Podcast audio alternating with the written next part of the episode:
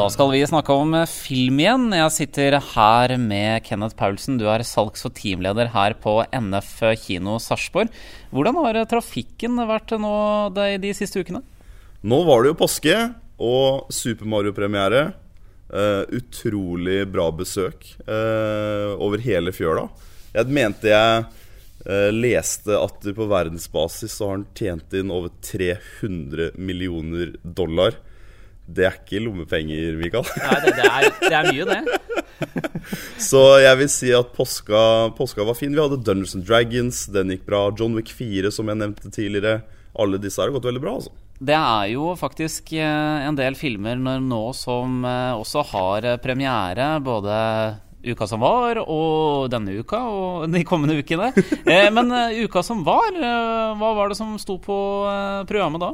Nå har jeg lyst til å så, Sånn totaltmessig så har jeg lyst til å uh, valgt ut filmer med et godt sjangersprik her, da. Ja. så helga som var, 14.4., da kom det to filmer her. Renfield. Ja, fortell om den. Husker du Dracula? Alle husker Dracula. ja. Right? Ja. Men Dracula hadde jo han derre hjelperen. Ja, ok Og han hjelperen het jo Renfield. Og han fikk jo Dracula på denne båten som frakta Dracula fra Transylvania til England. Og de har lagd film om Renfield. Eh, og det som er kult, da, er det er Nicholas Cage som er Dracula. Og så er det han Nicholas Holt da, som er Renfield. Mm. Så hvis du er gira på det, så går den nå. Den hadde premiere på fredag som var. Right ja, ja. Og så var det en annen film også. Susume. Eh, det er en japansk animasjon. Eh, fra regissøren bak Your Name. Så hvis du liker japansk animasjon, eh, så er dette her midt i blinken. For du har jo Studio Ghibli, som er veldig et veldig anerkjent studio, som har lagd alle disse Uh, Howls Moving Castle og Spirited Away, alle disse klassikerne nå. Men han, eh, han fyren her uh, Jeg vil vel påstå at denne tidligere filmen hans, Your Name, er en av mine favorittfilmer. Den så jeg i fjor, forrige fjor. Uh, for jeg har en kollega her på kinoen som har gjort meg mer interessert i japansk animasjon. Men den her, Susume, det er en oppveksthistorie til den 17 år gamle hovedpersonen ved samme navn, da, Susume. Uh, og filmen er satt til forskjellige katastroferammede steder over hele Japan, hvor hun må lukke dørene til det som forårsaker ødeleggelsene. Høres litt skummelt ut også? Ja, ja kanskje. det er vel mer science fiction-drama. Ja. ja. Japansk animasjon er veldig flinke til å være veldig abstrakt innimellom, da. Men fortsatt ha den, der, den følelsesladede senteret, da. Hvem målgruppe er det denne filmen passer for, da? Det er jo definitivt eh, den demografien som liker japansk animasjon. da. De er jo kanskje litt boksa inne da, som fanbase, fordi det er en så enorm industri når det kommer til japansk animasjon. Men hva er forskjell på japansk animasjon og annen animasjon? Eh, jeg vil hovedsakelig påpeke stilen. Ja. Japansk animasjon har jo sin egen stilart. Og de har jo mestlig Sånn Studio Ghibli, da, som jeg nevnte, er jo det beste eksempelet jeg kan ta. Det er, eh, det er håndanimert, eh, alle filmene. Bakgrunnene, musikken. Det er jo artistisk perfeksjon. Susumi er vel mer moderne, da. De har implementert mer digital animasjon og litt mer sånn modernisert versjon av, av de japanske animasjonsfilmene vi kjenner fra 90-tallet og sånn. ja, Susume. Så den er allerede på kino hadde ja. premiere fredagen som var. Korrekt. Men så er det jo eh, Om noen eh, få dager så er det jo eh, nye filmer på kino. Og på NF kino her i Sarpsborg. Yes, sir. Hva, hva, er det som skjer der da? Nå har jeg lyst til å gå inn på uh, og appellere til kidsa her. Tenåringskidsa. Jeg er jo ikke tenåring lenger. Dette er Beautiful Disaster. Ja. Og det er et kjærlighetsdrama. Eh, jeg må jo innrømme da at det her er ikke noe for meg. Eh, for jeg måtte flire litt av plottet her, da. Eh, vil vel tippe aldersgruppa 14 til 20. Hva er det som skjer? I Beautiful Disaster så møter vi studenten Abby Abernathy. Hun liker jo bad boys. Og hun møter jo en bad boy som heter Travis. Om kvelden så deltar han Travis i ulovlige boksekamper. Og på dagtid så sjekker han damer på universitetet.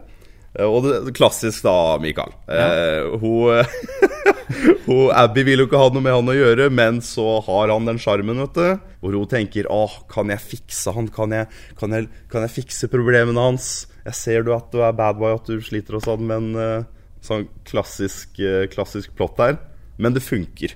Hvis du er gira på kjærlighetsdrama med Abby og Travis, så er Beautiful Disaster eh, til fredagen. Fredag 21. i fjerde, da. Så eh, tenåringsdrama. Eh, litt drama og litt eh, kjærlighet her, så det passer for tenåringene nå til fredag? Ja. Ja. Nå har jeg en barnefilm. Rikard Storken 2. Rikard Storken var jo sånn en artig animasjonsfilm som kom i 2017, tror jeg det var. Så nå har de brukt alle disse åra på å lage toeren. Men her, eh, holdsom og, og godhjerta, lett fordøyelig barnefilm. Rikard, en eventyrlysten spurv, oppdratt av storker, det så vi jo i film nummer én. Han overvintrer i Nord-Afrika, der han møter den gatesmarte Samia og hennes spurvegjeng, som holdes fanget av den grådige og nådeløse påfuglen Samano. Jeg syns det er litt gøy da at påfuglen er skurken her. Spurvenes eneste vei til frihet går gjennom å løse en gåte og bringe Samano, den mystiske juvel.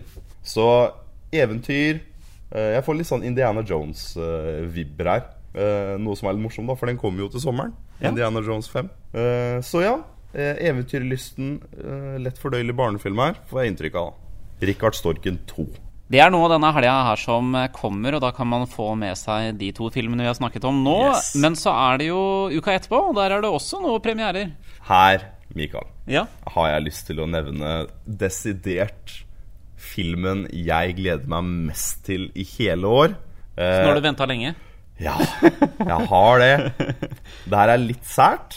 Skal, det er A24 som er produksjonsfirma her, og de er kjent for å lage litt sære filmer. Eh, Men nå er det komedie, drama, spenning, skrekk.